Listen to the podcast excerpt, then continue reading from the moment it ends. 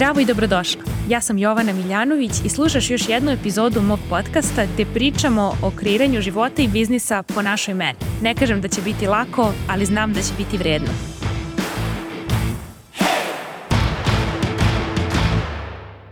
Ćao i dobrodošli u današnju epizodu. Danas pričamo o tome kako mogu da budem na sto strana. Ne mogu i nisam, samo vam delo je tako. Hajde da pričamo o tome. 2011. godine, kada sam započela svoj blog, fokusirala sam se samo na svoj blog. I godinama sam samo pisala blog. Vežbala sam jednu veštinu, a to je veština pisanja. Nekoliko godina kasnije, kada je počeo da bude aktualan Facebook, ja sam napravila Facebook stranicu i onda sam samo tamo kačila tekstove s bloga. Znači i dalje nisam učila nove stvari i dalje sam samo vežbala veštinu pisanja. Nakon toga krenula sam da šaljem i nedeljne i mesečne newslettere i posle nekog vremena postoje aktuelan Instagram. Na Instagramu nisam bila preterano aktivna na početku, nisam voljela puno da kačem te fotografije, baš sam onako to redko radila. Međutim, kada su uveli live opciju, ja sam to koristila i zvala ljude koji su bili tadašnji moji klijenti da podele svoju priču. Isto kao što radim danas. I to sam mnogo volela jer ja mnogo volim da slušam ljudi i da im postavljam pitanja, tako da je to bilo nešto u čemu sam uživala i što sam radila. Tu sam radila preko 100 tih lajvova u to vreme, pre nekoliko godina, i opet se fokusirala da postanem bolji sagovornik i da bolje radim te lajvove.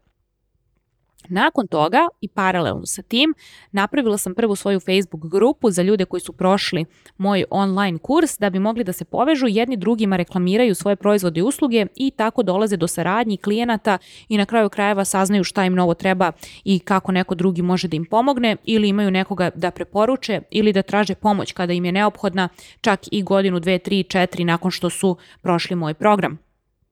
Znači, tad sam tek vežbala kako da koristim i upravljam Facebook grupom. Nakon toga e, sam primetila da je aktuelan video sadržaj, međutim YouTube nikad nije bilo nešto što je mene zvalo da kreiram videe. Ono što sam oduvek volela i u čemu sam uživala još kao dete jeste slušanje radija. Iz tog razloga sam donela odluku pre dve godine da započnem podcast.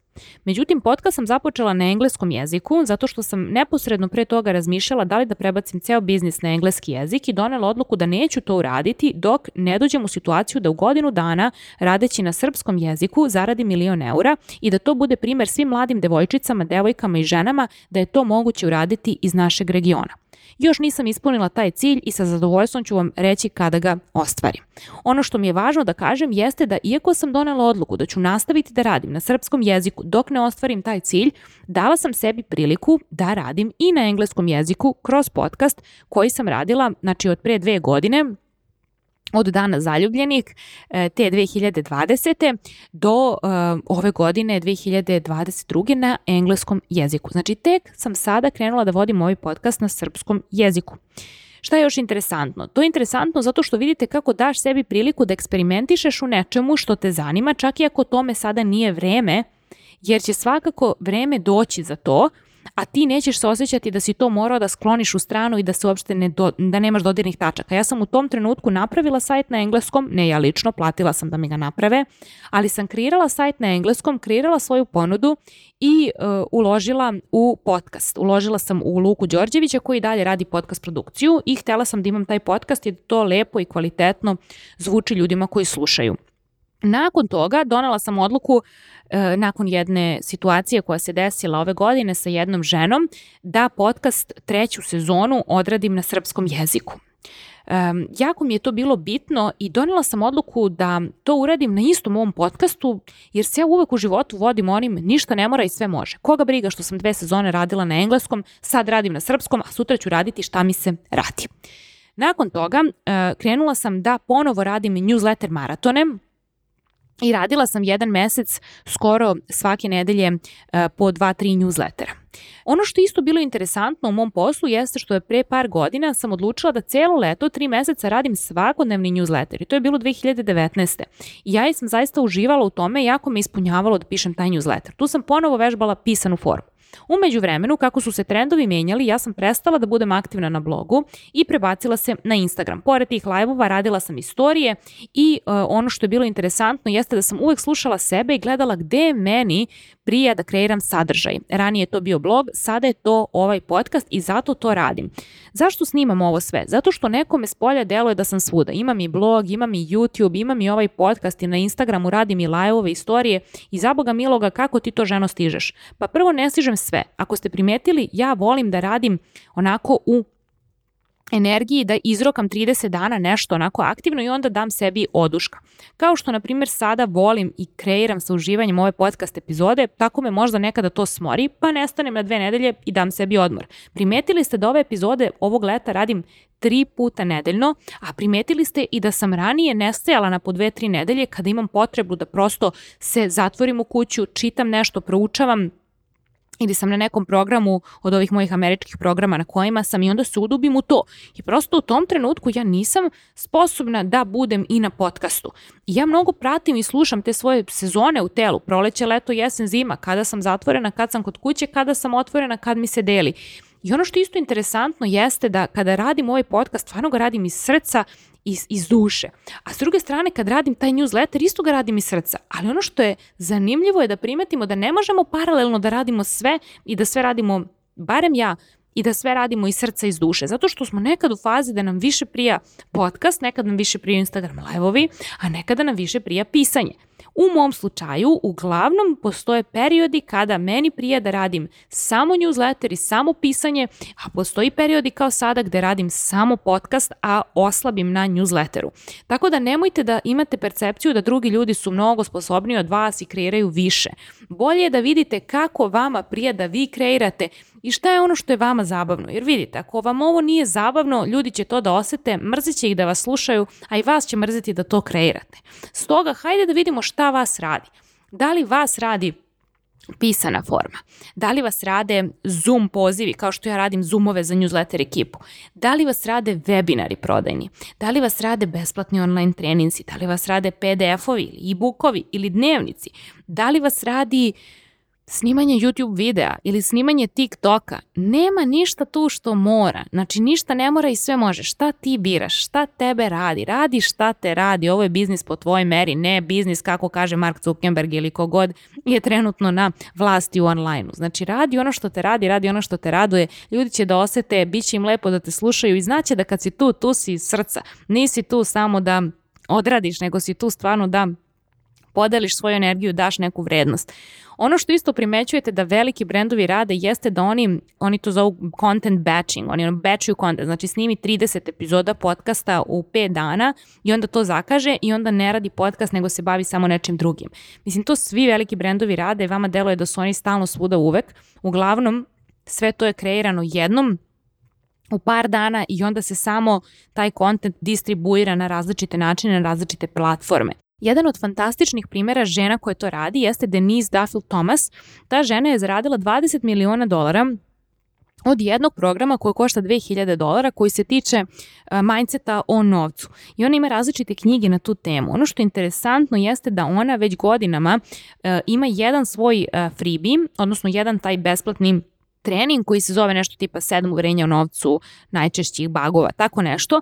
I to je pogledalo 30.000 ljudi. Od tih 30.000 ljudi, ko zna koliko ljudi je prešlo na ovaj njen bootcamp, a ona u svakom newsletteru i na svakom svom blogu komunicira stvari koje je već napisala u svojoj knjizi. Tako da ona jednom napiše taj sadržaj, a onda ga redistribuira i na podcastu i na uh, newsletteru i na blogu i na Instagramu, i na Facebooku, i na LinkedInu. Ali to ne radi sama, ona ima i tim za to. Tako da nemojte da mislite da drugi ljudi su sposobni da imaju 20 ruku i 30 mozgova. Mislim, imaju timove ljudi koje plaćaju da to rade.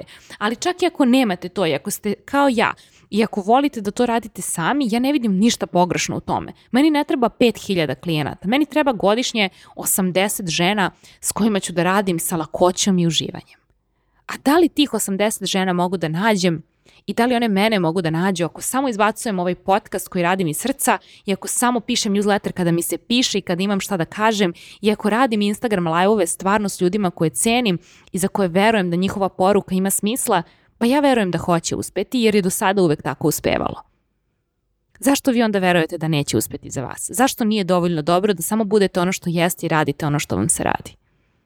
hajde da zaboravimo na pravila i vidimo šta je to što je nama zabavno, šta je to što se nama radi i hajde da se ne poredimo sa ljudima koji imaju timove od 10 ljudi koji po ceo bogovetni dan seckaju njihov sadržaj, i e, redistribuiraju ga na druge platforme. To su ljudi kao što je Gary Vaynerchuk, kao što su svi ti veliki brendovi koji žive od toga, ali da li vi uopšte želite takve rezultate? To je isto ono što vas pitam. Ili samo želite biznis po vašoj meri? I šta je uopšte biznis po vašoj meri? koliko vi želite da radite sati u danu. I tu ljudi imaju mišljenje, ma ja bi manje, ja bi više, ali koga boli uvo šta ko misli, šta ko priča? Koliko si ti komforna zaista da radiš sati u danu? Kako želiš da izgleda tvoj radni dan? Odakle želiš da radiš? Odakle želiš da kreiraš i šta želiš da kažeš? I koji je najbolji, najlakši i najzabavniji način da prineseš poruku koja ti čuči na srcu? To je ono što je bitno. Sve ostalo su pravila. A pravila ne moraš da poštuješ ako za tebe nemaju smisla. Tako da vidi kada je online biznis u pitanju i kreiranje života i biznisa po tvojoj meri, šta je ono iza čega ti možeš da staneš i šta je onaj minimum na koji možeš da se obavežeš. Da li je to jedna podcast epizoda nedeljno, jedan newsletter, jedan YouTube video, jedan TikTok, jedan Instagram live. Nije važno šta je to, ali donesi odluku i budi redovno na toj jednoj mreži, jer ćeš kroz vreme naučiti jezik te mreže. Nemoj da učiš pet stranih jezika odjednom. Svaka nova mreža je novi strani jezik i ako si na početku, moje topla preporuka da doneseš odluku da naučiš strani jezik jedne društvene mreže pre nego sko što skočiš na drugu. Dala sam ti primer kako sam ja godinama razvijala veštinu pisanja bloga. Zatim newsletter maratoni koje sam radila svaki dan tri meseca. Zatim Instagram live-ovi preko 100 epizoda pre nekoliko godina. Zatim podcast na engleskom, zatim podcast na srpskom, zatim online treninzi koje sam radila kao što su uhvati zalet, zatim email sekvence kroz online treninge koje sam radila kao što je bio 5 dana do jasnog plana, zatim zatim Zoom mesečna druženja za newsletter ekipu.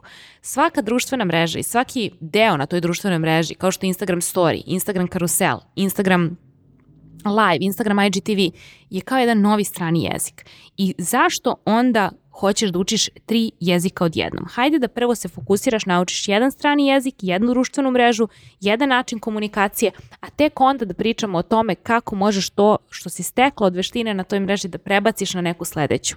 I molim te za kraj, nemoj da zaboraviš stvarno da ako nije zabavno, nemoj da se igraš. Ako je tebi dosadno, bit će dosadno i onima koji te slušaju.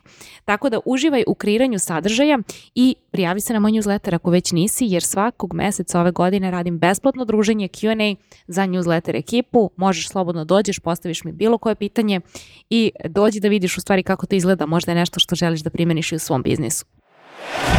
Hvala ti što si uložila svoje vreme i energiju u slušanje ove epizode mog podcasta. Ukoliko želiš da radiš sa mnom, najbolje mesto da se informišeš o aktuelnim ponudama je moj sajt www.jovanamiljanović.com. Čujemo se tamo na newsletteru i Instagramu.